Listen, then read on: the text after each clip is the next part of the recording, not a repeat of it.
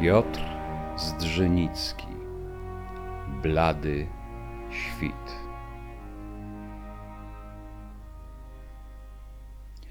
Kochanie, czy świt może mieć objawy awitaminozy?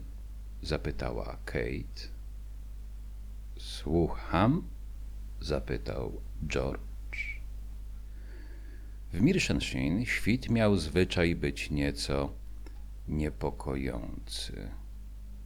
Mam na myśli jego kolor, odpowiedziała nieco zamyślona Kate.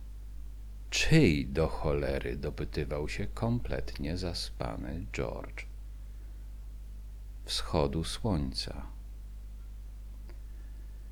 Kate jest z zawodu bibliotekarką. Została nią z zamiłowania do książek.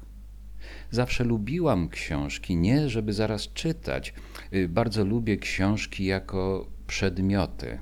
Uwielbiam ich zapach, nowe pachną dziewiczą świeżością, cudownym połączeniem aromatu świeżego papieru z ciężką, ołowianą nutą drukarskiej farby. Te stare z kolei nasiąknięte są emocjami czytających je osób i ledwo wyczuwalną wonią pleśni. Papier cechuje niebywała gładkość i delikatność, delikatność, która potrafi skaleczyć.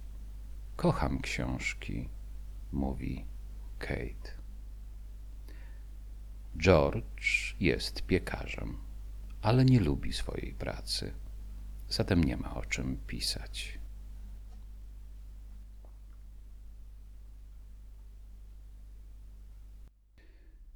Czy poza seksem w ogóle nas coś jeszcze łączy? spytała głośno Kate.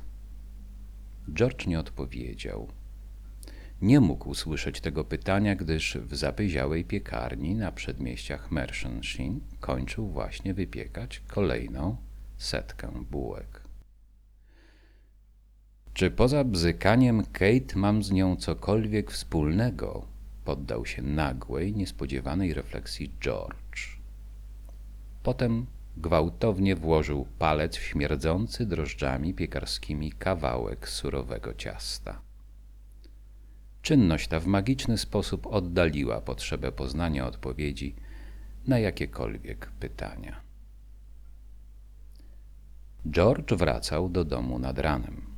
Zawsze bardzo zmęczony i zawsze odrobinę sfrustrowany. Wydaje mi się, że jestem stworzony do lepszych rzeczy niż wypiekanie chemizowanych bułek, myślał George i miał rację. Wydawało mu się. Kate spała. Śnił się jej dzisiejszy poranek, który dopiero nadchodził. Wraz z porankiem nadchodził George. Jakiś odmieniony. Jego twarz wydawała się być o ton jaśniejsza, jakby rozświetlona pięknym natchnieniem. Kate widziała wyraźnie tę twarz, zanim jeszcze George wszedł do domu. Szedł z młodzieńczą lekkością, radośnie wymachując papierową torebką, w której, jak zwykle, niósł sześć chemizowanych bułek na śniadanie. Kate czasem zadawała sobie pytanie, czy aby te ciepłe bułki zapijane szklanką gęstego, aromatycznego kakao nie są prawdziwym powodem, dla którego jest z George'em. I nigdy nie zdobywała się na szczerą odpowiedź. Dziwnie radosny George wszedł do domu. Półuśmiech nie schodził mu z twarzy.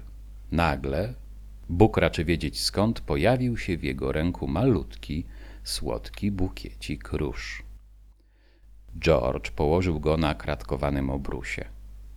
Kate bardzo lubiła jeść w kuchni.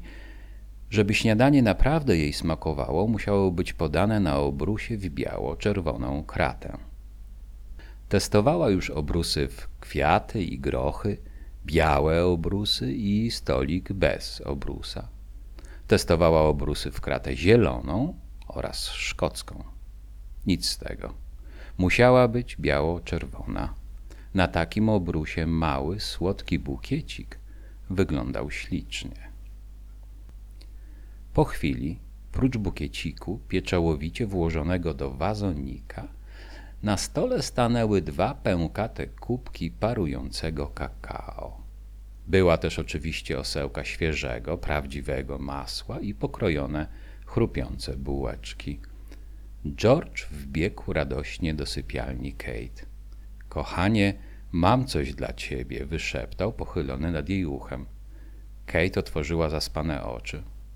Mężczyzna trzymał ręce z tyłu, niezdarnie coś zakrywając. Mam dla ciebie niespodziankę, skarbie, powiedział. Powoli wyjął z zapleców niewielkie zawiniątko. Kremowe światło świtu poczynało leniwie lizać kołdrę Kate. Kołdrę, na której leżał niespodziewany poranny prezent. Nagle zaspany umysł Kate doznał objawienia. George, to książka. Po raz pierwszy kupiłeś mi książkę, kochanie, krzyknęła Kate. Właściwie to chciała krzyknąć, ale coś jej przeszkodziło. Jej głos w żaden sposób nie mógł wydostać się na zewnątrz krtani. Kate otworzyła szeroko oczy, ale nie zobaczyła nic. Zdała sobie sprawę, że nie może oddychać, że ktoś z nieludzką siłą dociska poduszkę do jej twarzy, niemal miażdżąc jej głowę. Szarpnęła się tylko kilka razy. W ostatnim błysku świadomości poczuła ciepło na udach. Zesikałam się, zdążyła pomyśleć, zanim ostatecznie straciła przytomność. Po chwili nie oddychała. George przekręcił klucz w zamku drzwi wejściowych. Wszedł do domu. Cisnął papierową torbę z pieczywem na stół przykryty kratkowanym obrusem. Zmęczony ciężko opadł na krzesło. Jego szklany wzrok długo tkwił w jednym punkcie, jakby próbując bezskutecznie ustalić, czy biało-czerwona kratka składa się z pasów ułożonych na skos, czy raczej prostopadle. Chyba usiadłem pod złym kątem, pomyślał George. Wstał. Droga do sypialni Kate wydała mu się nieznośnie długa.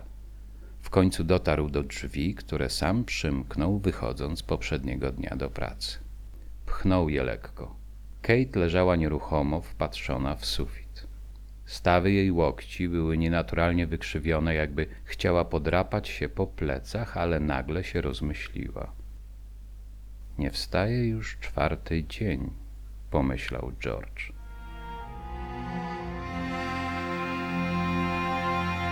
W Mirszenshin świt miał zwyczaj być nieco niepokojący.